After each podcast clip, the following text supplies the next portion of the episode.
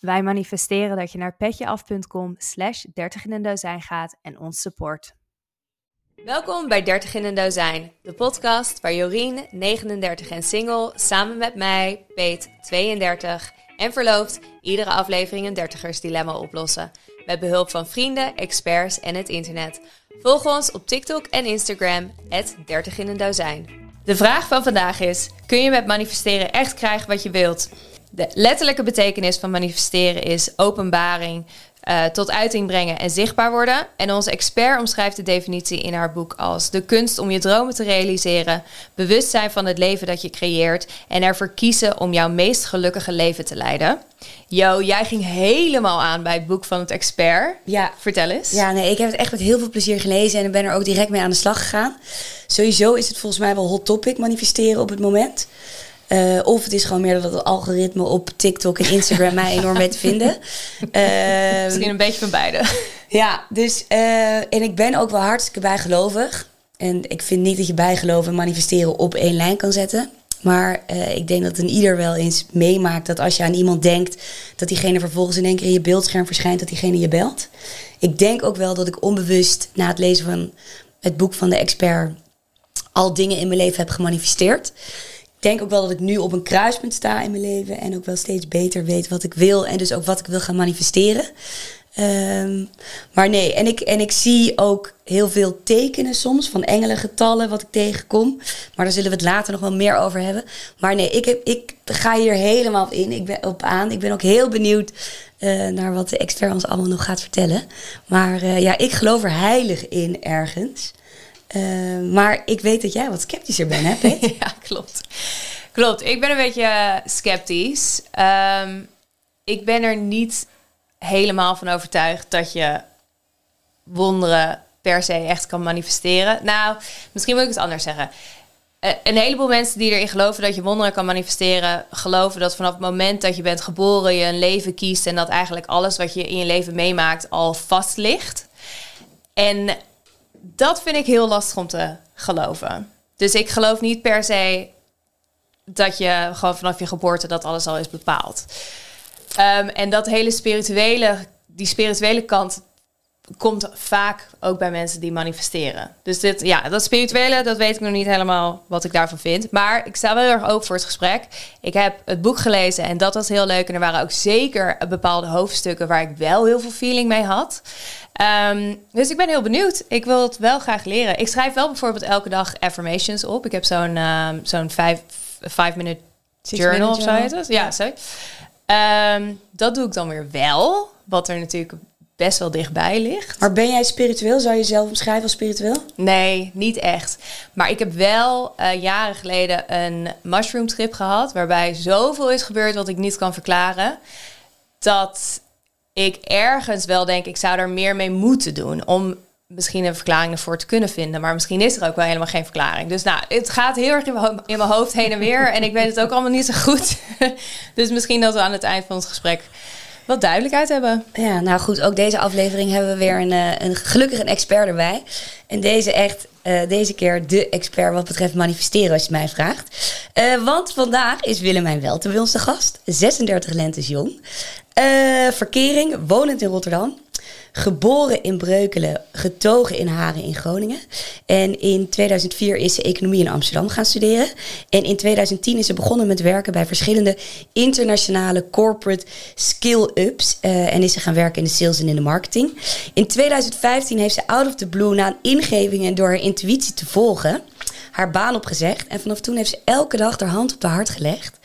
En gevraagd uh, om te voelen ja, om te vragen en te voelen wat ze eigenlijk nou waar per dag, waar ze behoefte aan heeft. Toen heeft ze in 2018 een enkeltje naar Zuid-Amerika uh, gekocht.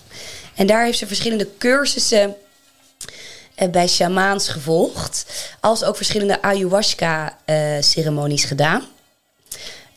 eind 2018 ben je toen teruggekomen. Ben je direct naar Rotterdam verhuisd. in 2015 ben je eigenlijk ook al je bedrijf begonnen House of Awareness. En toen je terugkwam, ben je uiteindelijk je huidige bedrijf begonnen. Uh, dat heet gewoon Willemijn Welte. In januari 2020 gaf je de eerste online cursus Manifesteren kan je leren. Eh, je hebt reeds drie boeken geschreven. Ik heb je eerste boek gele- gelezen. Manifesteren kan je leren. Eh, en Peet heeft het derde boek gelezen. Dat ligt in oktober in de winkels. Je hebt twee kaartendekken, het kaartendeks gemaakt. Kaartendeks. Eentje voor kinderen en eentje voor volwassenen. Eh, je bent schrijver, coach en spreker. Ja, het is zo'n grote introductie. Willemijn, welkom. Welkom Ik heb nog nooit van uitgebreide introductie. Ja. Je hebt mijn hele, mijn hele... Ik ga vragen of jij dit voortaan nou ook voor mij kan doen bij elk interview. Je hele Hey, ehm. Ja, wat De goed. eerste vraag die we altijd stellen aan onze spreker, Ja. of aan onze expert, hoe heb jij je 30 jaren ervaren? Nou, ik zit er nog midden in Ja. natuurlijk. Nee, ik vind het heerlijk. Ik heb het echt Ik ervaar het echt als een soort... Echt dat moment dat je 30 wordt van... Nou, nou weet ik wat ik wil. Ik heb dat echt in mijn dertiger jaren helemaal ontdekt. Dus ik, waar ik in mijn twintiger jaren nog zo op zoek was en dacht... Wie ben ik of zo? En waar sta ik nou voor? Wat vind ik echt belangrijk? En waar haal ik voldoening uit? Heb ik het gevoel dat ik dat in mijn dertig jaren zo helemaal teruggevonden heb. En lekker mijn eigen dingen aan het doen ben. Dus als mensen zeggen, oh, ik zou weer 27 willen zijn, dan denk ik echt altijd bij mezelf, oh, dat niet. Was ook heel leuk, maar ik vind het zo lekker dat ik gewoon zo lekker ja, het klinkt heel cliché, maar zo lekker mezelf kan zijn nu. Ja, wat fijn. Ja, heel fijn. Dat ik me wat minder druk maak om wat anderen van me vinden. Ik ken mijn eigen grenzen goed. Ik weet wat ik wil of zo, wat ik belangrijk vind in het leven. En daar geniet ik gewoon zo van. Want hoe oud was jij toen je eigenlijk begon eh, met, met manifesteren, met aarde, het Eh, spirituele goeie pad te wandelen? Nou, ik denk dat ik 7, 8, 29 was Oh, ja. toen ik er 7, dat ik er echt wel wat meer in ging verdiepen. Eh, en dat ik, ja, dat ik er dus echt wel mee begon. En dan is daar zit natuurlijk een periode voor dat je er al wel mee bezig bent en dat je ervoor open staat. Maar ik denk dat ik rond die leeftijd dat ik ermee begon. Ja. Zeggen ze ook vaak, hè, dat rond je 27, 28ste dat je zoiets hebt van... oké, wat is nu mijn plan voor mijn dertiger jaren? Dan komt het allemaal dichterbij. Oh ja, die memo heb ik gemist. die heb ik tien jaar later gekregen. Hé, hey, maar we, eh, manifesteren. Ja. Laten we bij de basis beginnen. Ja. Kan je vertellen wat het is? Ja, manifesteren is eigenlijk de kunst om je dromen te realiseren in samenwerking met het universum. Dat zeg ik altijd. Dus heel simpel gezegd kun je het doen in drie stappen. Maak dat maar meteen wat je ervoor doet, want dan weet je ook wat het is. De eerste stap is dat je een intentie zet. Dus wat wens jij? En een intentie niet vanuit je hoofd als een soort doel van daar moet ik naartoe voordat ik 40 ben, bijvoorbeeld. Maar een intentie wat je voelt vanuit je hart van oh, dat zou mij echt voldoening geven. Dat wens ik. En de tweede stap in manifesteren is dat je voelt hoe het is als dat al is uitgekomen. Dus hoe voelt het voor jou als jouw wens is uitgekomen? Hoe ziet dat eruit? Wat is de frequentie daarvan eigenlijk? Dus dat je al een beetje omgeeft in de omgeving zoals dat het is als het uitkomt. En de derde stap van manifesteren is inspired action. Want je kunt natuurlijk enorm een wens zetten en dan gaan mediteren en enorm voelen hoe het is. Maar ik geloof dat je ook stappen moet zetten vanuit inspiratie. Daarom zeg je het ook inspired action. Dus niet per se vanuit je hoofd, maar vanuit de inspiratie die je voelt op dat moment om daadwerkelijk je dromen waar te laten maken. Nou ja, dat is voor mij manifesteren. Ja. Als je het heel praktisch maakt. hey, want je geeft in je boek super veel handvaten hoe je inderdaad bijvoorbeeld een Ja. intentie kan zetten. Ja. Eh, welke woorden eh, je kunt gebruiken eh, of, of hoe de zinsopbouw is, zou ik maar zeggen. Ja. Kan jij bijvoorbeeld een voorbeeld geven van iets wat jij hebt gemanifesteerd? Ah, Ik heb een liefdevolle relatie. Dat is Ah. natuurlijk eentje die, die nu zo bij mij heel actueel is geweest. Ik had echt nog wel het verlangen om een hele fijne, liefdevolle relatie weer te krijgen. Dus dat is wel echt eentje waar ik mijn intentie op heb gezet. Heel bewust. Dat ik. En niet vanuit mijn hoofd van, oh, ik ben nu in de dertig, ik moet echt een relatie, want ik wil nog heel graag kinderen en dus moet ik opschieten of zo. Dat vertelde ik bij jullie natuurlijk ook al vooraf. eh, voor, voor het interview hadden we het er even over. Maar gewoon heel erg vanuit een soort. Ja, ik denk dat veel vrouwen dat ook wel herkennen. Een soort verlangen om je leven te delen met iemand. En dan weer te voelen hoe het is om, eh, ja, om samen te zijn. Ja, Ja. Nee, vrouw te zijn, denk ik ook heel erg. En dan niet de vrouw van bedoel ik, maar gewoon Mhm. dat je zo lekker vrouw kunt zijn. En ja, dat, er, ja, dat vond ik heel erg fijn. Hey, want je beschrijft heel mooi dat je, je kan je intentie zetten en dan gaat het Ja. heel erg om het wat, maar niet om het hoe. Ja, Dus je moet niet direct gaan nadenken, hoe ga ik dat dan doen? ja, Nee. Nee, in eerste instantie zet je echt je intentie op wat je wilt. Bijvoorbeeld, ik wil een. eh, nou, wat zou jij, wat wens jij? Eh, nee, ja, ik heb een heleboel dingen die ik eigenlijk... ik heb heel veel intenties gezet. Maar sommige zijn natuurlijk ook wel privé. Ja, snap ik. Eh, even nadenken. Eh, Peet, welke intentie heb jij gezet? Ik denk even... Denk even na welke je wil delen. ja. Eh, ik wil dat de podcast zo succesvol wordt dat we er fulltime voor kunnen leven. Nice. Nou, dan voel je inderdaad van, nou, dat is, dat is echt jouw intentie, dat is je wens. En dan kan je, dat is heel erg het wat. En hoe je dan die podcast succesvol wordt of hoe eh, eh, je dan dat geld daarmee gaat verdienen, dat laat je nog even open. En vanaf hier, vanaf die intentie, zeg ik altijd, ga je elke dag inchecken bij jezelf. Oké, wat is een kleine stap die ik vandaag in 10 minuten kan zetten om dit uit te laten komen? En dan ga je merken dat er gedurende de dag dat er ineens mensen op je pad komen die ineens een tof interview hebben. Of dat ineens je podcast gedeeld wordt door een grote influencer, bij wijze van spreken, waardoor die weer opnieuw ontdekt wordt. En dat het eigenlijk het pad een beetje voor jou ontvouwt. In plaats van dat je zoals vroeger een soort hele, ik weet niet of je dat nog herkent, uh, dat je zo'n hele planning maakt. Nou, als dit is stap 1 en je had dan stap 10 ook al uitgewerkt en dat pad volgde je gewoon. En nu doe je eigenlijk alleen maar stap 1. Ja. Je geeft een heel leuk voorbeeld, vind ik, in je boek. Dus ik ga je vragen of je dat Ja, voorbeeld nu ook even wil vertellen. Over een meisje dat volgens mij bij jou uiteindelijk eh, een coaching sessie heeft geboekt. En zij is fotografe. Ja. En zij wil meer geld manifesteren. Ja. Ja, zij is fotograaf, zij wil meer geld manifesteren. En zij heeft dus een aantal uren om te maken en een aantal fotoshoots. Dus als fotograaf, wat doe je dan? Dan verhuur je jezelf per shoot. Op, kan je prijs natuurlijk omhoog gooien om meer te verdienen, maar dat houdt op een gegeven moment op. En zij kwam bij mij met de vraag van... oké, ik wil meer geld gaan verdienen, hoe kan ik dat dan doen? En eigenlijk was de eerste stap dat ik tegen haar gezegd heb... oké, nou schrijf op wat je wenst en hoe het voelt als dat uit is gekomen. Het geldbedrag, toch? Het geldbedrag. Letterlijk wat je wilt. En nu ga je twee weken alleen maar doen waar je zin in hebt. Dus echt gewoon even, laat het even los. Je hoeft even niet te bedenken hoe. Je hoeft niet elke dag een stap daarvoor te zetten. Laat het maar even los hoe. Twee weken lang. Dat is best wel gewaagd en moedig als je durft om jouw wens twee weken lang los te laten. En echt alleen maar te doen waar je zin in hebt. En in die twee weken was ze op een gegeven moment... ehm, eh, God, hoe noem je dat nou? Nou ben ik het woord natuurlijk kwijt. Eh, van die bepaalde filters die je over Ja. eh, foto's kan leggen. En dan kun je van de presets heet dat. En die kun je dan kopen. En dan kun je zo'n preset op je telefoon zetten, zodat je automatisch mooie filters hebt. En daar was zij lekker mee bezig en die had ze gemaakt. En toen dacht ze, oh wat leuk, want het was ook kerst. Ik geef aan al mijn klanten of iedereen die ooit bij mijn nieuwsbrief heeft ingeschreven, geef ik zo'n preset cadeau dat ze over hun kerstfoto's mooie filters kunnen doen. Die werd in een dag duizend keer gedownload. Dus zij vertelt mij dit en wij hebben het erover. Ja, dit is een businessmodel. Nou ja, goed. In de maanden daarna heeft ze... Ik geloof dat ze in de eerste maand dat ze live ging 30.000 euro heeft verdiend met dit Dat businessmodel. is toch niet normaal? Ja, dat is wel heel... Dus dan zet je dus je hoe gooi je dan in principe het universum in. Ja. En het wat laat je dan... Nee, Het wat ben je wel, eh, zet je intentie op. Ja. Van, en dan laat je dat dus ook echt los en ga je gewoon plezier maken en voelen hoe het is als jij doet wat je echt leuk vindt. Ja. Maar ik denk natuurlijk dat dat ook wel het moeilijke is. Want je hebt een bepaalde intentie. Ja. Je hebt een bepaald verlangen wat je hebt. Ja, Eh, en daar denk je natuurlijk toch best wel veel aan. Dus Ja. het is dan denk ik heel moeilijk om wat je zegt, om het los te laten.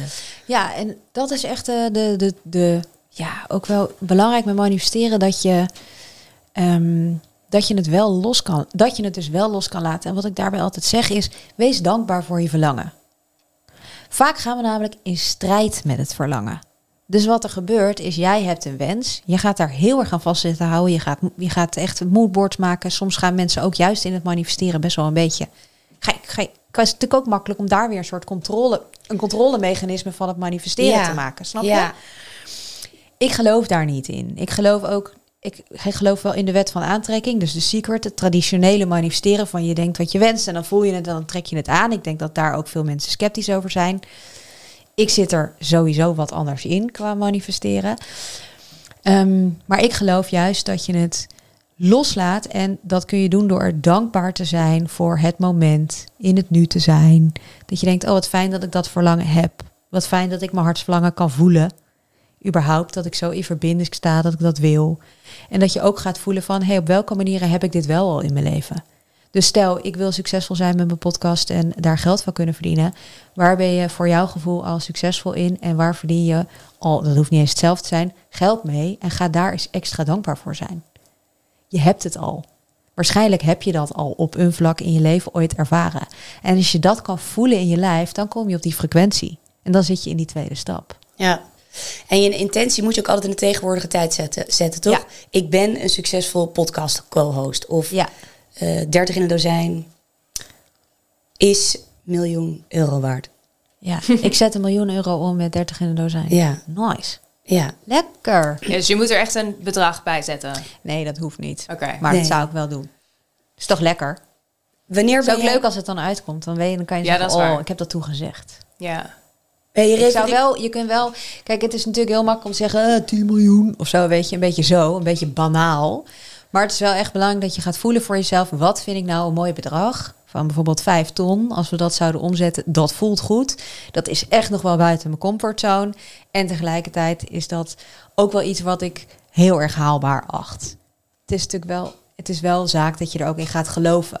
Want als je maar blijft roepen... ik krijg vandaag een miljoen gestort... dan wordt je lijf vanzelf sceptisch. Ja. Want dat geloof je niet. Ja. En dan creëer je de weerstand en dan en daar geloof ik niet in. Snap je? Het is niet dat je jezelf onzin aan wilt gaan zitten praten. Je wilt wel echt voelen van, nou, ik denk wel, als ik zo bij zo'n podcast, dan denk ik, nou, je kan prima volgend jaar een half miljoen doen. Dat is een redelijk bedrag, bijvoorbeeld, wat ik dan nu zou kunnen voelen voor jullie. Maar dan moet je voor jezelf ook kijken van, wat vind ik haalbaar en wat wil ik ook. Want er horen ook altijd stappen weer bij. Hey, je noemde het net al eventjes eh, The Secret. Ja, Wat is het verschil tussen dan The Secret, manifesteren en eigenlijk ook een beetje bijgeloof? Eh, ja, bijgeloof staat er voor mij wel buiten. Ja, omdat ik, ik vind, ik weet niet zo goed hoe je dat zou definiëren, Ja. zeg maar. Vind dat. Volgens mij is bijgeloof ook een beetje als ik dit, dit doe, dan gebeurt er dat, dat en dat. Weet ja, je? Als ik nu, dit niet doe. als ik nu een kruisje sla, dan. eh, Ja, voor mij, als je dit nu zo zegt, dan geloof ik, dan zit, dan zit dat voor mij heel erg op angst. ja, ja, ja. ja, Dan is dat heel erg angstgedreven. ja. Als ik, als ik nu luister naar wat jij zegt, hè, dus Ja. dat is niet per se dat ik bijgelovig angst, maar Ja, dat, is wel wat ik eruit sporters hoor. een bepaalde onderbroek aan moeten, want anders gaan ze verliezen of zo. Ja. En dat je heb je wel gelijk in. Ik denk dat het heel erg Ja. eh, vanuit een negatief oogpunt komt. Ja, dus dat is denk ik al een groot verschil. Terwijl ik geloof heel erg, dat gaan we het zo waarschijnlijk ook over hebben. Je hebt angst en liefde. Ja. Dus dat je manifesteert vanuit liefde. Dus dat is voor mij al waarom bijgeloof anders is dan wat ik manifesteren vind. En ik vind de secret en het verschil tussen manifesteren zoals dat ik dat zie, dat ehm, in de secret het ook heel erg gaat over doelen manifesteren. En ik heb het wel heel erg over wonderen manifesteren. En het grote verschil voor mij daartussen is weer dat je eigenlijk altijd je intentie zet op innerlijk geluk. En de volgende stap maken of een wens zetten vanuit dat jij voelt dat het al precies is zoals het moet zijn. En dat je vanuit daar een verlangen hebt om iets nieuws te gaan groeien. Terwijl bij The Secret is het ook wel heel erg vanuit, nou, als ik nou een huis heb, dan ben ik gelukkig. Als ik een auto heb, dan ben ik gelukkig. Als ik die man heb, dan ben ik gelukkig. Als ik moeder kan worden, dan ben ik gelukkig. ja. Het is eigenlijk heel erg dat je externe factoren wil dat jouw interne zelf gelukkig gaan maken. Terwijl ik zie manifesteren meer als dat interne, weten dat dat interne geluk er altijd is. En vanuit daar aantrekken wat daarbij past. Ja, maar wat heb je dan nodig om te manifesteren? Stel je zit gewoon niet lekker in je vel. Ja. Ehm, kan je dan wel de juiste intenties zetten? Ik denk dat je altijd de juiste intentie kan zetten. Je kunt namelijk ook op dat moment de intentie zetten. Ik zou zo graag weer in verbinding willen staan met mijn eigen liefde. Ja, Als je niet lekker in je vel zit, dat is ook iets wat ik heel goed ken. ja, Ik heb zo vaak de intentie gezet om gewoon lekker in mijn vel te zitten en van mijn eigen lijf te houden. ja, Om, en dat klinkt zo simpel, maar dat is zo'n groot topic. Van je lijf houden, ja. van jezelf houden. Het jezelf waard vinden ook om die dromen weer uit te gaan spreken.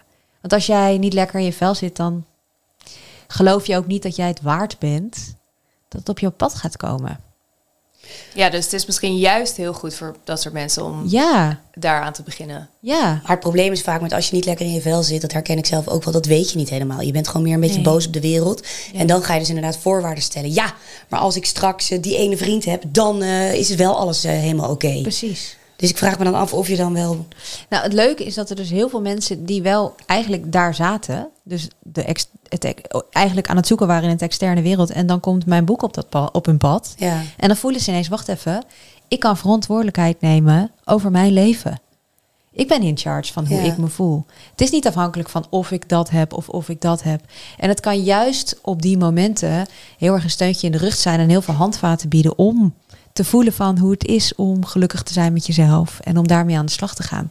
En als jij 35 jaar tegen jezelf hebt gezegd dat je lelijk bent en dat je het niet waard bent en dat je niet goed genoeg bent en ga zo maar door, moet je ook helemaal niet van jezelf verwachten dat je één meditatie doet of één schrijfoefening en dat er dan op een soort magische wijze uh, alles opgelost is. Daar geloof ik niet in.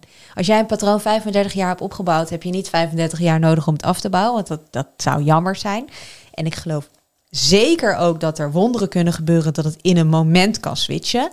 Maar veel dingen, die weet ik ook van mezelf, als we dat lijf of zelfliefde als voorbeeld houden, dat is ook een proces waar je doorheen gaat om weer van jezelf te houden en in verbinding te staan daarmee. Ja, maar het lijkt me soms gewoon moeilijk als je in een uh, heel druk leven, als je een heel druk leven hebt met veel verplichtingen, veel drank, veel uh, want dat is ook een van mijn vragen. Dat heb ik ook wel eens gelezen. Dat alcohol uh, vertroebelt volgens mij ook een soort van je frequentie waar je, waar het over hebt in je boek. Is dat zo? Kijk, ik geloof heel erg dat uh, alles energie is om je heen. En alles heeft dus een frequentie. En wat, hoe hoger jouw frequentie is, hoe gezonder je bent, hoe vrolijker je bent, hoe liefdevoller je bent, hoe sneller jouw frequentie is en hoe makkelijker je kunt manifesteren. Tuurlijk zijn er dingen die een hogere frequentie hebben dan andere dingen. En um, alcohol heeft een lage frequentie. Dat klopt. Maar ik geloof, kijk, je kunt dus heel erg. Ik heb. Ehm, kijk, je kunt dan heel erg zeggen: ik ga nooit meer alcohol drinken, want ik wil heel erg op die hoge frequentie blijven. En ik denk dat dat heel fijn is en heel leuk is en heel goed kan zijn. Alleen ik schrijf ook in mijn boek, soms is friet gezonder dan sla. Ja. Weet je waarom? Als jij je druk gaat maken over dat frietje, of als jij je druk gaat maken, of nee, als jij je druk gaat maken van, oh, ik zou zo graag een glas wijn willen, of ik zou zo graag een frietje willen, maar dat mag niet, want mijn frequentie verhoogt dan. Dat is net zo'n lage frequentie als gewoon lekker. Sterker nog, ik denk dat het dan een hogere frequentie heeft dat jij lekker dat frietje neemt met een, met een glaasje wijn. En dat je lekker aan het genieten bent van het leven. En dan gewoon eens even lekker met iedereen gaat kletsen over waar je zin in hebt dat het dan gezonder voor je is dan je druk maken om, oké, ik mag nooit meer een friet, ik mag nooit meer een glas wijn. Nee. Nee, en eerlijk, als je natuurlijk brak bent, ja, hoe leuk is de dag dan? ja, dan loop je natuurlijk toch een beetje met je ziel onder je arm over straat, weet je. Dan is boodschappen al echt pijn gewoon. Ja. dus ja, goed, oké. Hey, zijn er dingen die je absoluut niet kan manifesteren? Of... Ik heb het idee dat er nog iets in die andere vraag zat wat ik oh. helemaal niet beantwoord heb. Of niet? Die, al, die, uh... Even kijken. Alcohol, The Secret. Nee, nou, maar het maakt het niet uit. Zijn er dingen die je niet kan manifesteren? We komen er gewoon zo op terug. Ik zet nu de intentie dat er zo meteen nog even dat onderwerp langskomt. Ik heb een pennetje hier, dus je moet opschrijven straks. Nee joh, mijn geheugen is een zeef af en toe. um, zijn er dingen die je niet kan manifesteren? Ja. Uh, nee, daar geloof ik niet in. Ik geloof dat alles mogelijk is. Ja. Mooi. Ja, dat is wel hoopvol. Ja, het is ook een fijne gedachte om mee te leven. Ja. Je refereert je in je boek daar ook naar, dat is natuurlijk wel een moeilijk onderwerp hoor. Dat natuurlijk bepaalde mensen het minder goed getroffen hebben. Eh, die in oorlogsgebieden zitten of in vluchtelingenkampen. Ja, ja, uh, ja, wat kan je daar dan over zeggen? Kunnen die mensen ook manifesteren? Kijk, uiteindelijk, daarom geloof ik ook heel erg van als jij die innerlijke rust kan vinden in de situatie waar je in zit. En de ene heeft gewoon echt, heeft het gewoon veel shitter getroffen dan de ander wat dat betreft. Maar als je ook in die situaties de innerlijke rust kan vinden, dan geloof ik dat dat ook is wat je op dat moment zoekt. Snap je? Die mensen zijn niet op zoek naar een auto of een succesvolle podcast om te manifesteren. Die willen gewoon heel graag een keer gezellig met het gezin kunnen avondeten. Ja. En ik geloof zeker dat jij in zo'n situatie dat kan voelen en dat er weer dat moment gaat komen dat jij dat kan doen met elkaar. Je hebt het over allebei al eventjes gehad, maar wat om nog even voor de duidelijkheid.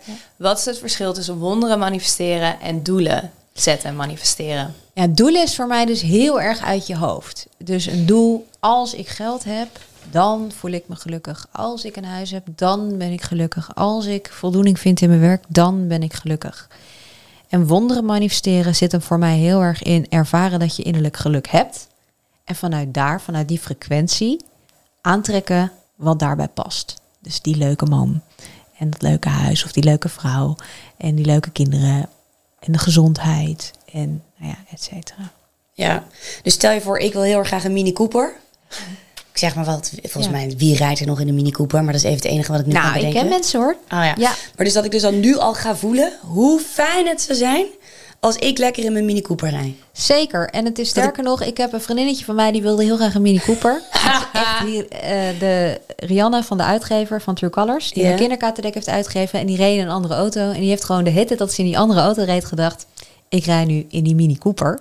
Nou goed, ze rijdt natuurlijk inmiddels in de Mini Cooper. Oh, wat Ja, leuk. het bedrijf werd binnen no time een succes. En het eerste wat ze natuurlijk gedaan heeft, is voor zichzelf die Mini Cooper Oh, geleased of gekocht. Of ik weet niet hoe ze het heeft gedaan. Hey, jij, jij beschrijft ook in je boek, ehm begin over die engelengetallen. Ja, Die zie ik dus de hele dag door. ja, Of dat nou eh, op de wasmachine is, of Ja. het nou op de digitale klok is. ja. Of het nou is op YouTube, dat er nog zoveel tijd, weet je, Ja. 1, 1, 1, 1. Ja, Eh, of dat ik even kijk hoe laat het is en dan is het 12, 12 of 17, 17. ja, Nou, jij hebt het dan inderdaad over dat dan de engelen bij je zijn. ja, Ik voel me dan ook, ik kan ook wel eens hardop zeggen van jongens, hoi, hoe is het? ja. Daar zijn jullie, maar wat willen jullie nou van me, weet je? ik het soms ook niet zo goed begrijp.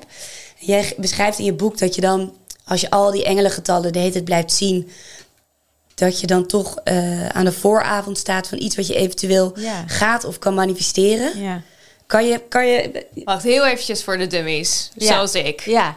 Kan je even uitleggen wat engelengetallen zijn? Nou, ik denk, ik heb in mijn eerste boek een hoofdstuk dat heet Signalen van het Universum. Omdat ik geloof dat je dus om signalen kunt vragen wat je eerstvolgende stap is aan het universum. Maar ook bijvoorbeeld bevestiging dat je op de juiste weg bent. Eigenlijk heel praktisch. Van nou, laat me zien dat ik op de juiste weg ben. En ehm, die getallen, of engelengetallen zoals je dat ook noemt, is een manier waarop je een signaal kan vragen aan het universum. En vaak is het zo dat je bij die getallen is het meer om te laten zien van hé, hey, je bent op de juiste weg, je bent in alignment, ja, je bent in verbinding, je bent, ehm, je bent op de frequentie waar je wilt zijn en daarom zie je continu die getallen. Dus het is meer als een soort bevestiging van je bent op je goede pad. En dat, wat voor getallen zijn dat?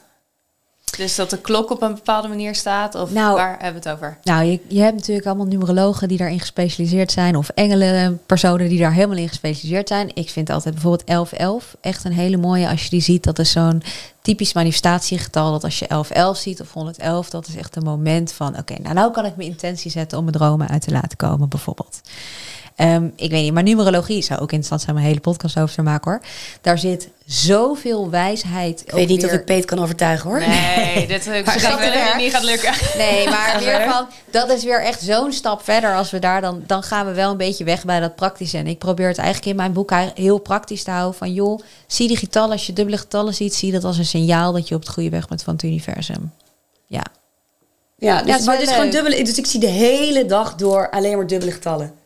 Maar het is ook, signalen van het universum kunnen ook zijn dat jij 's ochtends een wens zet. Jij hebt nu de wens gezet voor de podcast. En eh, dat je je afvraagt, oké, wat is de eerstvolgende stap die ik moet zetten? En dat je straks de auto instapt, de radio zet. En dat je ineens één zo'n zin uit een liedje hoort. En dat je denkt, dat is het. Ja. Ja. Ik laat je weten als het Ja, gebeurt. zeker. ik, ik, Maar ik ben dus gisteren ook aan de slag gegaan maar met, met, want je kan dus teken naar het universum vragen. Je geeft een heel leuk voorbeeld in je boek ook over een meisje dat, eh, wat, ja, iets, ze wilde iets gaan doen ook voor de wereld en met een flamingo op de airport. oh ja.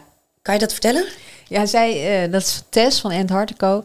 En zij eh, wilde heel graag haar hart gaan volgen en een bedrijf gaan opzetten over hard leadership zelfs. En die kwam terug van een reis in, in Toronto of Canada of zo. Die was daar bij een grote teacher geweest. En die had gezegd in het vliegtuig, nou, als dit het pad is wat ik moet lopen, laat me dan een flamingo zien. Eh, en toen kwam ze aan op het airport en gewoon letterlijk, ze moest nog even iets halen in een winkel. En ze loopt die winkel in en gewoon de hele winkel is behangen met een flamingo behang. Ja, als ik dat vertel, dan krijg ik weer kippenvel. Dan denk ik, hoe kan dit nou? Of eh, Hiske, die heeft een bedrijf in human design.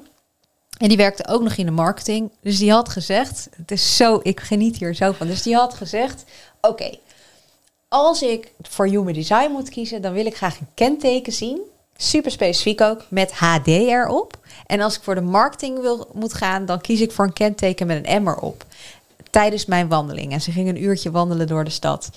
En al voordat ze begonnen was met lopen, dacht ze: shit, HD is natuurlijk super lastig, want dat is een combinatie. En nou ja, dan weet je natuurlijk al wat je echt wilt eigenlijk. Maar en wat ziet ze inderdaad later? Dus een kenteken met nummerplaat HD. Toen ging ze thuis nog opzoeken. Vol- volgens mij bestaan kentekenplaten met een emmer op, niet eens of zo. Zoiets was het. Ja. Dat je echt denkt van, hoe dan? Dus ik heb dus gisteren ook gevraagd aan het universum eh, een teken of ik weer een bepaalde jongen eventueel terug in mijn leven zou moeten laten. Ja. Eh, en dan zou ik een lieve heersbeestje willen zien. Mm. Nou, niet gezien. En toen zei je ook van ja, geen teken is ook een teken. Mhm. Dus dan weet je wel je antwoord. Ja.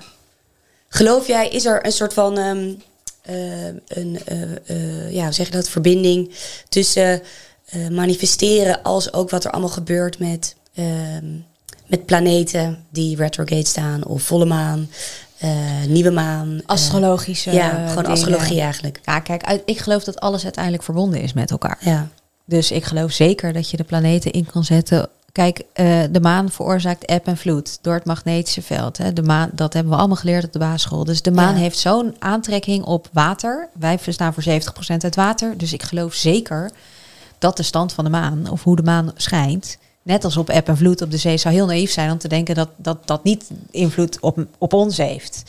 Dus ja, dat geloof ik zeker. En ik geloof ook dat je dat in kan zetten om, eh, ja, om eh, weer daar bewust van te zijn en te manifesteren. Want jij schrijft ook in je dagboek met volle maan of zo, toch? Schrijf je in je Ja, met boek? nieuwe maan schrijf ik wel eens Nieuwe inderdaad mijn intenties op. Dat is dan, eh, zeggen ze astrologisch gezien, het juiste moment om je Ja. intenties op te schrijven.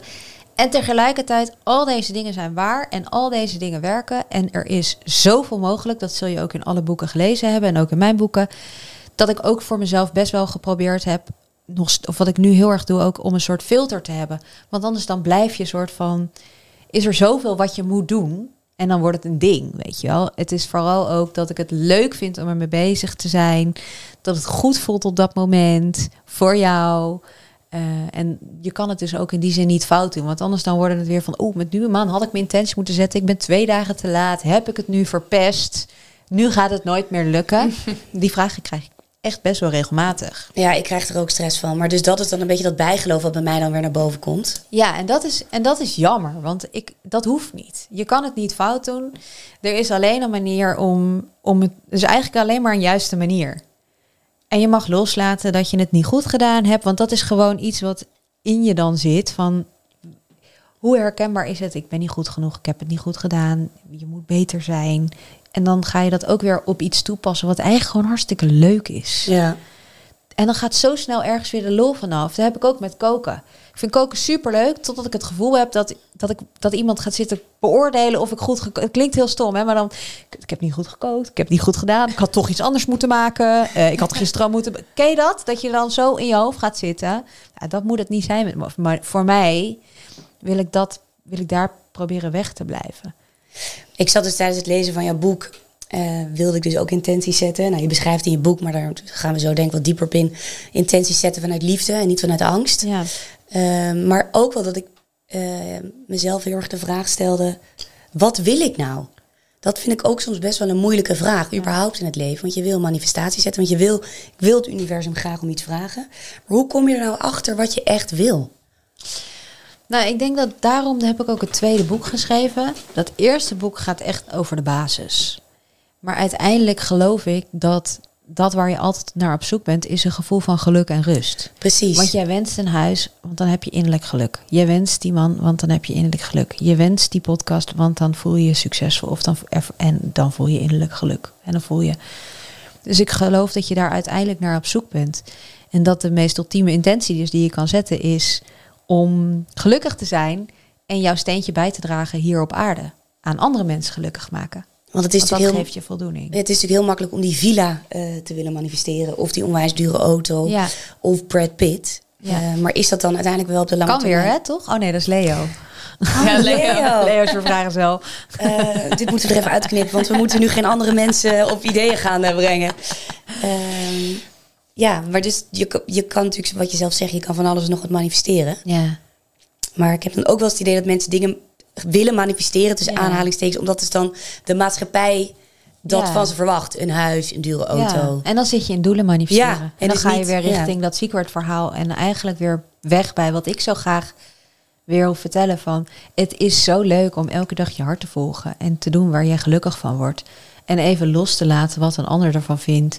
En op welke andere manieren je dan ook maar eigenlijk extern de bevestiging krijgt van dat jij iets doet wat je leuk vindt. Doordat het succesvol is en dat mensen. Ja. Jouw tweede boek komt in eh, oktober uit, Wonderen Manifesteren. Ja, Wil je eens vertellen wat, je, wat het verschil is tussen je eerste boek en je derde boek? Ja. Ehm, in mijn eerste boek eh, leer ik denk ik iets meer hoe je manifesteren kunt inzetten om aan te trekken wat jij wenst. En in het derde boek laat ik heel erg zien eh, dat je manifesteren nog veel krachtiger is als je het inzet om het leven te laten ontvouwen dat er voor jou is. Want er, ik geloof dat er iets, dat het universum een droom heeft voor jou. Niet per se dat je leven al bepaald is van tevoren, maar dat, het, dat er iets is wat jij een grote droom is. En dat als jij je intentie zet op dat wat jij nog niet eens kan bedenken, omdat het zo mooi is, dat, het, eh, dat er een leven voor je gaat ontvouwen beter dan jij nu kan bedenken. Ja, dus boek 1 is inderdaad echt heel erg de basis. Ja, Eh, hoe kan je manifesteren? Hoe zet je een intentie? ja, Terwijl je hebt het daar ook over je zielenmissie. Dus Ja. eigenlijk waar je nu naar refereert. Ja. Dat denk ik ook wel. ja. Dat iedereen wel een soort van missie op deze wereld heeft. Ja, het is een beetje spiritueel hoor, Peet. maar ehm, dat geloof ik ook wel heel erg. ja. En dan in dat derde boek ga je dan meer in volgens mij op liefde en angst, toch? Ja. Ja, dus in, in, in dat, in dat zit ook in het eerste boek. Maar ik geloof dat er uiteindelijk twee emoties zijn. Angst en liefde. Ja. Als jij bang bent dat, eh, dat jouw kleintje onder de auto rent... en je bent of je bent boos dat die kleine zomaar oversteekt zonder dat, je, zonder dat het mocht... dat is omdat je bang bent dat er wat gebeurt. Of als je heel erg verdrietig bent omdat, een, eh, hè, omdat iemand overleden is... Dat, en rouw, dat is een liefde. Omdat je gewoon zoveel van iemand houdt. Dus ik geloof dat je uiteindelijk alles terug kan brengen naar angst en liefde. En wat ik in mijn nieuwe boek heel erg omschrijf, is dat als je vanuit liefde naar de wereld kunt kijken, dat je eigenlijk dingen aan kunt trekken beter dan dat jij nu kunt bedenken. En het wonder is dat als je in dezelfde situatie datgene wat je nu uit angst bekijkt vanuit liefde kunt zien, dan voel je dat innerlijk geluk. En een heel klein voorbeeld. Eh, een vriendin van mij gisteren vertelde nog, haar man die was een soort heel irritant stemmetje de hele tijd nadoen en ze werd helemaal gek van die gozer. Ze dacht echt, kap hiermee, kap hiermee. En precies op dat moment was ze iets aan het lezen over unconditional love en over die shift aan het maken in perceptie van angst naar liefde. Dus ze dacht, wacht even. En ze sprak het ook uit van, wacht even. Als dus alles liefde is, moet ik nu uit liefde ook naar dat stomme stemmetje van jou kijken. Zo zei ze het letterlijk nog. En ook nog in dat moment voelde ze gewoon dat ze dus besloot, bereid was om er anders naar te kijken. En sindsdien vindt ze het grappig, vindt ze het leuk, vindt ze het zelfs leuk als hij dat stemmetje doet. Oh ja? En dat is dus het wonder. Niet dat hij is gestopt met dat stemmetje, maar dat zij het kan uitzien vanuit het perspectief dat het vanuit liefde Ja. en dat het dus gewoon een hele leuke gozer is die stemmetjes Ja. naar doet. Hoe maak je die switch? Tussen van angst naar liefde. Ja. Ik denk dat dat ehm, wat ik in mijn nieuwe boek heel erg zeg is: jij hebt verantwoordelijkheid over je eigen gedachten. En je hebt het stemmetje van je ego. Daar hebben we misschien wel eens van gehoord. Dat is een beetje de inner, innerlijke criticus, zoals we dat ook wel zouden noemen. Die had zegt dat het allemaal niet kan. Die wil jou richting de emotie angst. En je stem van jouw hart, die wil jou richting de emotie liefde hebben. Dus alleen al het bewustzijn dat jij in control bent wie je laat praten, je ego of je hart, is super groot. Dus dan hebben we het nog niet eens over iets heel praktisch, maar gewoon telkens als je merkt dat je negatief bent, dat je oordelen hebt, dat je bang bent, dat je denkt dat het niet gaat lukken, dat je beseft, dat ben ik niet. Dat is die stem van mijn ego. En ik kan er ook voor kiezen om te luisteren naar de stem van je hart. En wat ik eigenlijk in mijn boek omschrijf, is dat je daar bijvoorbeeld een meditatie kan doen of een wens kan doen, een gebedje noem ik dat, van oké, dankjewel dat ik nu weer luister naar de stem van de liefde. Dus als je merkt dat er iets in je hoofd begint te kwetteren, dat je gewoon zegt oké, dankjewel, ik heb je gehoord ego, ik kies er nu even voor, hoe logisch het ook is wat jij tegen me zegt, want dat herkennen we allemaal, want ego heeft altijd een reden. Ja, maar dat moet je niet doen, want dan kun je geen geld verdienen. Ja, maar dat moet je niet. Die is altijd heel logisch, terwijl jouw hart, dan voel je gewoon dat het goed is. Dat verschil kennen we allemaal. En dan gaan we, zijn we toch geneigd om dat ego te gaan luisteren, want die geeft zulke goede redenen. Maar gewoon om dan even te zeggen, ik heb je gehoord, je hebt inderdaad hele goede redenen, maar ik ga toch even mijn gevoel volgen. Dat geeft zoveel rust op een dag. En ik heb echt dagen dat ik dat misschien wel 50 keer doe. Ja. Dat ik echt wel 50 keer mezelf moet corrigeren van... Oké, ik heb je gehoord. Ik ga nu weer voor de liefde. En er zijn dagen dat ik gewoon hele dagen helemaal chill ben... en in die liefdesvibe lekker zit. Ehm, maar dat is denk ik wel eentje die heel erg... eh, wat de eerste stap is. Ja, voor mij. Ik weet Ja, dat vind ik wel leuk aan je, aan je boek. Ehm, dat je ook heel veel gebedjes die jij zegt opschrijft. En Ja. dat mensen daadwerkelijk meteen aan de slag kunnen daarmee. Ja. ja. dat maakt het heel, eh, heel Praktisch. ja. Ja. Ja, het helpt mij echt. Want het is toch wat jij ook zegt met de affirmaties die je elke ochtend opschrijft. Mhm. Affirmaties zijn natuurlijk een vorm van manifesteren. Het is letterlijk iets wat je tegen jezelf herhaalt in je hoofd. En als je het maar lang genoeg zegt, ga je het gewoon geloven. En intuïtie speelt dat, eh, dat moet daar dan ook een hele grote rol bij spelen. Soms kan je toch dingen aanvoelen dat je helemaal niet weet waarom je dat eigenlijk aan kan voelen. Mm, ja, en ik denk dat er een groot verschil is tussen de, je intuïtie en dus de angst in je lijf, zeg maar. Dus dat, je, dat dat ook heel erg is wat je leert, ook in mijn boeken van, oké, hoe, hoe, hoe weet ik nou het verschil tussen mijn hart en mijn intuïtie en die innerlijke criticus? En het grootste is toch wel dat die innerlijke criticus altijd zegt dat het niet kan en dat hij heel erg angstgedreven is.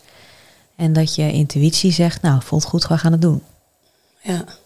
En weet je, je kunt het niet fout doen, hè? Ook met Nee. die, wat jij net zegt, ik heb gevraagd om een signaal of ik die jongen weer in mijn leven moet laten. Jongen, laat die gozer in je leven en kijk wat er gebeurt. En alleen zorg dan dat je op dat moment weer de grens kan stellen. Als je voelt dat het ook niet goed is, moet je ook nee durven zeggen. ja. En dus dat is wel de, de consequentie van dit alles, is dat je natuurlijk ja gaat zeggen tegen dingen, maar je gaat ook nee zeggen tegen dingen. Daar hadden we het net natuurlijk ook al even over. Als je open gaat stellen voor alles op je pad komt, dan ga je goed voelen wat er voor jou wel en niet werkt. En ja zeggen we vinden, vinden, we, vinden we heel moeilijk, want dan komt er ineens iets mooiers dan we kunnen bedenken. En nee zeggen vinden we ook heel moeilijk, want dan gaan we misschien anderen teleurstellen. Dus we zitten een soort van wat jij omschrijft, omschrijft in een soort plek soms vast. dat we niet helemaal ja zeggen, maar ook niet echt nee zeggen. En dan kom je een beetje in dat dertigers dilemma van ik weet niet wat ik wil en ik zit zo vast. Ja. Terwijl als jij echt ja durft te zeggen, oké, ik ga gewoon all in op mezelf, ik ga all in op de liefde, ik doe het gewoon, ik zeg gewoon nee tegen alles wat niet goed voelt. Oh my god, je leven gaat veranderen, ik beloof het je. Lees dat boek, volg die stappen. Je, je weet, je, je, ik, ik spreek jullie over een paar maanden. ja. Ik weet het gewoon, het is ook helemaal niet dat ik hier een soort onzin wil verkopen. Het is ook gewoon oprecht een soort van enthousiasme, omdat ik gewoon zie om me heen wat het gedaan heeft voor zoveel mensen. Je krijgt natuurlijk zoveel berichtjes op een dag. Er zijn een eh, paar stukken in, het, in je nieuwste boek, wat ik heb gelezen, waar ik, waar ik heel erg veel mee voelde. Ja. Eentje is je grenzen aangeven. Ja. En dat speelt enorm in mijn leven nu. En dan krijg ik vaak de reactie met... Oh, gaat het wel goed met je? Ja. Een beetje dat gaslighting bijna. Met. Oh, maar gaat wel goed met je? Dus Ja, het gaat juist heel goed met mij. precies. Maar ik ben gewoon anders dan vijf jaar geleden. En ik heb andere grenzen. Ehm, maar de omgeving vindt dat niet altijd even gemakkelijk. Twee vragen. Waarom is het heel belangrijk om je grenzen aan te geven? En hoe kan je dat het beste doen en zorgen dat je omgeving dat accepteert? Nou ja, kijk, nee zeggen tegen een ander is ja zeggen tegen jezelf. Dus de vraag is, wie vind jij belangrijker? Dat jij gelukkig bent? Of dat mensen die soort van zich druk maken over dat jij dus niet kan doen wat jou gelukkig maakt? Die jij dan toch gelukkig wil maken, terwijl zij jou eigenlijk niet op je meest gelukkig willen zien, want ze vinden het irritant als jij voor jezelf kiest. Dat klopt al niet natuurlijk. Goede vrienden, mensen die van je houden, die willen dat jij gelukkig bent. En als jij zegt, dit maakt mij gelukkig, zouden ze, moeten, zouden ze gewoon eigenlijk vanaf moment één achter je moeten staan en gewoon zeggen, damn girl, ik wou dat ik jou was. Want dat is wat ze echt zeggen, hè? Je bent zo veranderd. Zij willen dat ook. Zij zien hoe jij lekker in jij vel zit. Ze denken, shit, zij gaat straks weg en ik dan. Het is gewoon allemaal een vorm van jou willen houden bij hun. Omdat Mhm. ze gewoon jou te fijn vinden. En ze willen zelf ook wel daar waar jij nu bent, maar weten nog niet hoe. Dus het is vooral, denk ik, heel erg beseffen van... joh, nee zeggen tegen een ander is ja zeggen tegen jezelf. En dat ook, kan je ook gewoon aan ze, aan ze vertellen.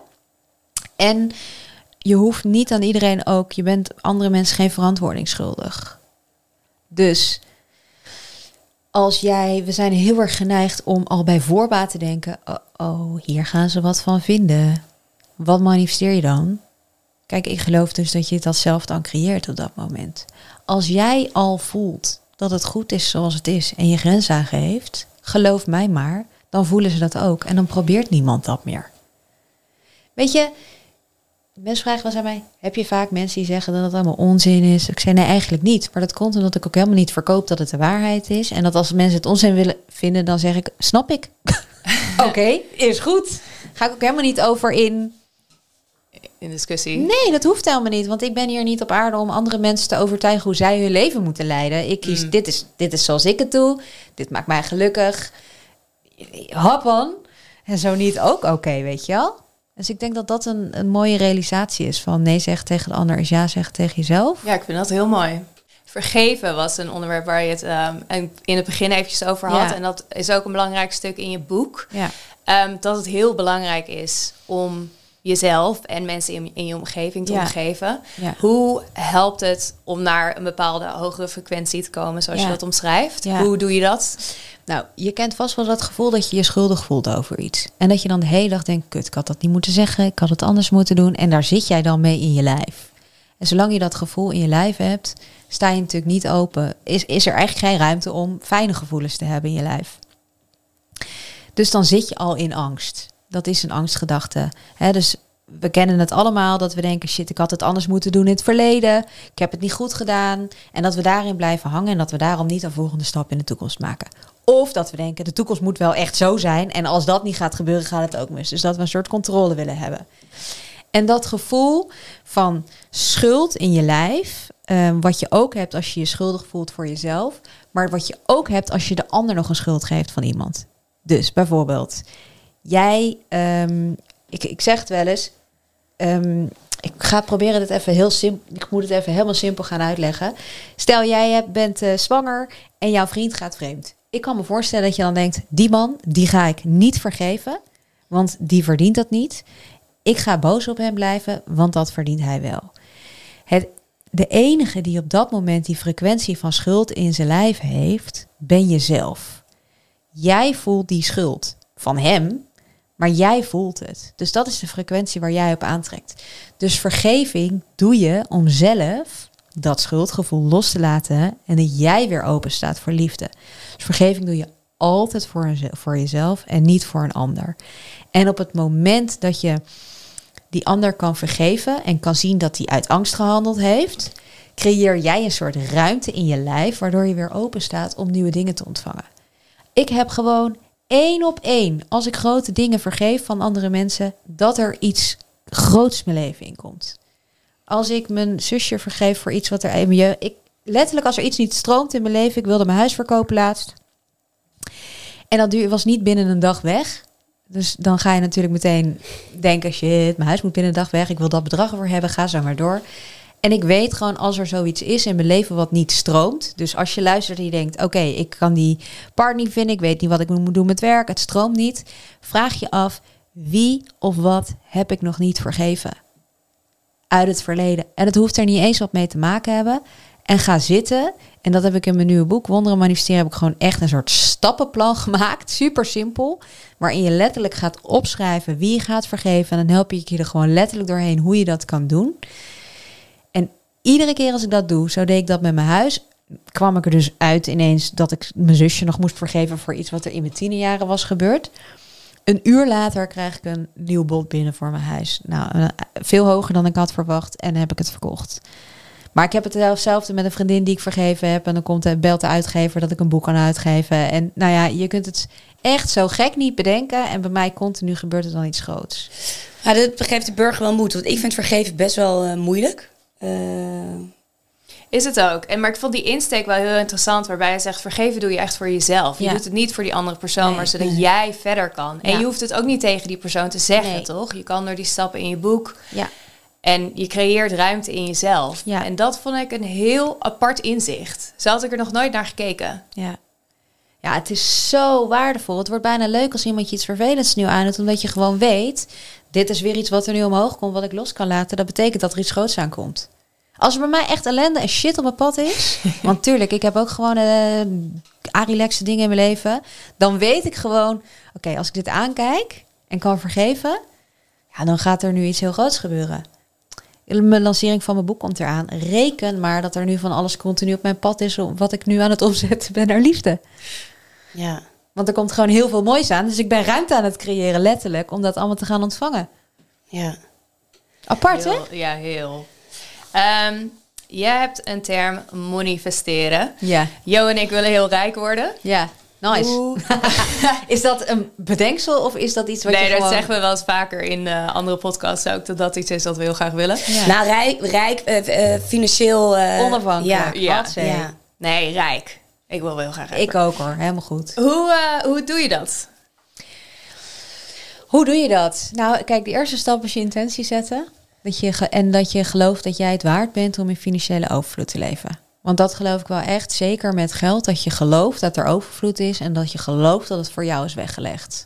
Kijk, ik kan ook hele cursussen ge- geven over hoe je geld gaat manifesteren. Dus, ehm, maar ik zou dat als eerste zeggen. Dus dat je echt, dat je voelt dat jij het waard bent. En ik zou dan stappen gaan zetten en gaan voelen hoe het is om veel geld te hebben. Zet een affirmatie erbij. Mhm. I live a wealthy, financially independent life. I have 1 million dollars, euros in my bank account. Ik heb maandenlang eh, affirmaties eh, geluisterd. Ik heb 100.000 euro op al mijn rekeningen bij elkaar. Het heeft gewerkt. Dus ehm, alle stappen die je voor in mijn eerste boek zeker ook ziet, kun je gewoon toepassen op geld. Dus er zitten in bijvoorbeeld visualisaties, zitten er in mijn eerste boek, affirmaties. Je kunt het dagboek ervoor gebruiken. Dus ik heb het in ik heb toevallig zelf in april mijn intentie gezet op eh, financieel onafhankelijk zijn. Omdat ik dan eh, meer rust, eh, toch meer rust ook ervaar. Dat ik echt alleen maar die boeken kon creëren. Dus voor mij was dat heel erg een, een dingetje. En dan denk je dat gaat komen in mijn bedrijf. Nou ja, wat er uiteindelijk kwam is dat ik dus mijn huis verkocht heb. Beter dan ik had verwacht. Geld over heb, zodat ik nu me financieel vrij voel. Ben niet onafhankelijk op dit moment. Maar wel in drie maanden zoveel vrijer dan ik daarvoor had, had bedacht. Dus alles wat ik... Over alle andere onderwerpen kan je ook over geld toepassen. En ik heb trouwens een hele podcast gemaakt. We hebben een podcast, De Wonderen van Manifesteren. Is een hele aflevering, 30 minuten lang, over manifesteren. Ja, ik heb die dus je het leuk vindt. Ik heb die dus geluisterd. Oh ja? Ja, En Oh, dat ga ik doen. ja, Ja. leuk. Superleuk. Duidelijk. Handvaten die gewoon je echt gewoon een half uur lang praktische oefeningen. Ja. Hoe je geld kan manifesteren. Heel specifiek wat je kan doen als je daar lekker mee aan de slag wil. We Leuk, kunnen wel dus even een, een linkje daar, ehm, daar naartoe op onze site zetten. Ja, zeker. naar die leuk. specifieke podcast. Ik vind het ook wel opvallen hoor, Willemijn, hoe je hier zo rustig zit. En heel erg toch wel vanuit liefde. Totaal niet vanuit een tekort. Ehm, heel erg vanuit, gewoon heel licht sta je in het leven. Ja. Heel positief. Ja, ja dat, dat gelukkig. Het is ook je werk. Ja, nee, Ehm, gelukkig. Nee, maar ik leef... Je bent een leidend voor... Ja, je bent wel een leidend voorbeeld eh, erin. Dat is echt wel ook... Dat klopt. Omdat ik daar ook wel heel erg... Voor mij is een van mijn belangrijkste kernwaarden is authenticiteit. Ja. En dat zie ik ook best wel. In, zeker heb ik vanaf moment één dat ik in de spiritualiteit terecht kwam tegen mezelf gezegd: authenticiteit is het allerbelangrijkste. En ik denk wat ook, waarom ik ook zo hier rustig kan zitten, is omdat als er nu wel iets zou zijn, zou ik het ook delen. Eh, eh, als ik dus wel ergens tegenaan loop of zo, deel ik het ook. Dus Ja. ik pretendeer ook totaal niet dat ik de hele dag verlicht ben of zo. Dat is gewoon Nee. niet zo, snap je? Nee. Ik vind het grappig hoe vaak eh, authentiek leiderschap terugkomt bij ons in de podcast. Ja. Ook in seizoen 1 met Daan, in seizoen 2 met Carolien. Het blijft zo'n belangrijk onderwerp in onze podcast. En ik denk ook in ons leven, Jo. Ja, zeker ook een thema waar ik zelf wel best wel mee struggle. En deze Ja. podcast eh, is voor mij ook een soort van stap om meer authentiek te zijn. We, Willemijn en ik hebben het er ook wel over gehad. We hebben allebei gestudeerd en zijn lid geworden van de studentenvereniging. Waar je dan best wel een stuk van je eigen identiteit even over de schutting moet gooien. Wil je mee kunnen met gewoon eh, de, de, de grote horde. Eh, en dat stukje van je eigen identiteit vind je dan weer terug. Maar ik denk dat deze hele maatschappij sowieso wel gebouwd is. En op angst vind ik heel erg opvallen. En ook wel, ehm, doe maar niet, eh, doe maar normaal, dan doe je al gek genoeg. Terwijl ik denk Ja. juist als iedereen heel erg authentiek is en gewoon zichzelf is, ehm, dat, het, dat het meer zou gaan stromen voor heel veel mensen. Ja, en ik denk dat dat ook echt is, juist ook wat ik met dat tweede boek wil bereiken van hoe kan je nou die liefde, en ik noem dat dan liefde, die liefde in jezelf vinden en die rust in jezelf vinden, dat geluk in jezelf vinden. En de wereld vanuit liefde zien betekent niet dat altijd alles maar goed is. Gelukkig Nee. zijn betekent niet dat altijd alles maar precies is zoals jij bedacht hebt dat het was. Maar het is wel een soort acceptatie hebben dat het leven precies is zoals het moet zijn en dat het goed genoeg is op dit moment. Ja. Nou, en wat ik denk, ik- wat ik, wat ik meeneem uit deze podcast en daarvan leer, is dat het dus ook een kans is. En dat is al waarschijnlijk het moment dat er iets vervelend je gebeurt, zou je niet direct de kans eh, erin zien. Maar wat Nee. jij zegt, als er echt, als iemand jou bijvoorbeeld heel boos maakt, Ja. eh, probeer diegene te vergeven. Want dan weet je dat er dus iets moois op je pad weer kan komen, iets groots. Schrijf een boze brief, verbrand die brief, hoeft helemaal niet naar de persoon. Neem de tijd om je boos te voelen, om het uit je lijf te laten gaan. En dan maak je ruimte om te gaan vergeven. Ook hier weer, dus gewoon voor jezelf kiezen, ruimte maken. Niet bang zijn om andere mensen teleur te stellen, zoals nu met die deadline vooruitschrijven. Van ja, Ja. jammer jongens, kies nu even voor mezelf. Peet, ben jij... ehm, Hoe, ja, hoe, hoe, sta je nu? eh, hoe zit je in de wedstrijd nu? Ehm, nou, ik ga sowieso het eerste boek lezen. Ehm, want ik, ja, ik vind het wel mega interessant. Ja. En toch, ja, misschien...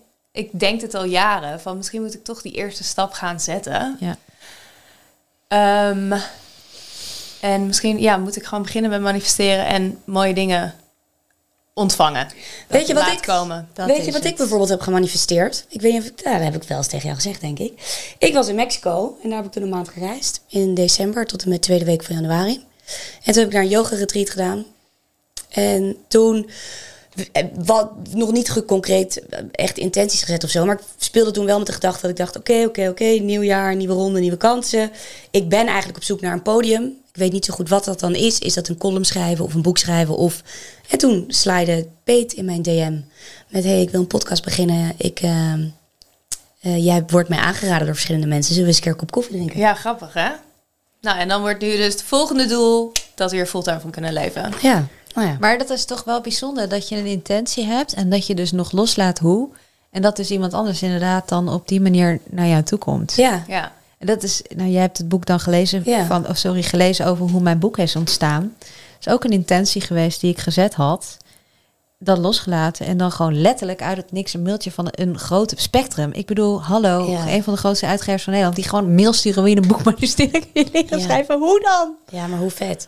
ja heel Dus vet. dat Er is zit ook daar een heel verhaal aan vooraf. Ga jij lezen het? Het kippenvel verhaal. Maar je moet gewoon neer. Je, dus, dus je gooit inderdaad je, je, mani- je manifestatie of je, je, je intentie gooi je het universum in. ja, En, en je moet gewoon vertrouwen op het universum.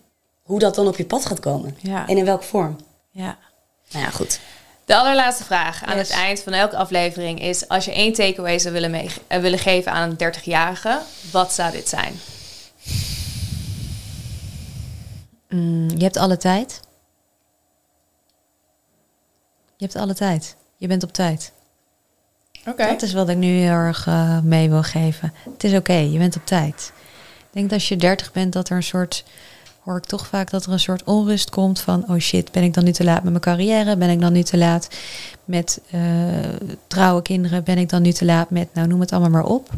Nee, je bent precies op tijd en het is precies op het juiste moment. En alles is nu precies zoals het moet zijn. En vandaag kan jij er gewoon voor kiezen om die toekomst te creëren die jij wil. En die is helemaal niet te laat. Dat is toch heerlijk? Je hebt al die jaren achter de rug. En nu komen er gewoon nog meer jaren. Je hebt tijd zat. Prachtig. Ja. Kipvel. Ja, Mooi. Ja. Goeie takeaway. Jongens, begin met het boek eh, Manifesteren kan je leren. Om te lezen. Eh, ik ben groot fan. Basisbeginselen. Lees lekker weg. Heel herkenbaar. Ja, en dan in begin oktober 18 oktober komt mijn nieuwe boek Wonderen Manifesteren. kunnen we hem al pre-orderen. Kun je al pre-orderen op Bobbit.com natuurlijk. Hey, en waar kunnen mensen jou verder vinden? Instagram, apenstaartje Willemijn Welten. En eh, op mijn website willemijnwelten.com. En daar vind je ook het kaartendek.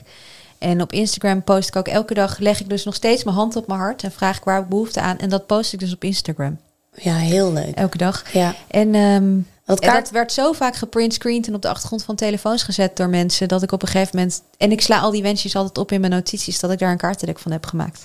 Ja, dat is misschien wel leuk om nog even te benoemen. Want je hebt inderdaad een kinderkaartendek. Ja. Dus dan 's ochtends trek je dan met je kindjes een kaart. Ja, En, en, en dan op zo'n kaart staat dan een wens voor de dag, hè? ja, en een uitleg dus bijvoorbeeld ook over vandaag wens ik eh, eh, dat ik mijn grenzen aanvoel. Ik luister naar mijn onderbuikgevoel. En dan staat er een oefeningetje bij hoe je naar je buik kan luisteren en hoe je jezelf kan beschermen.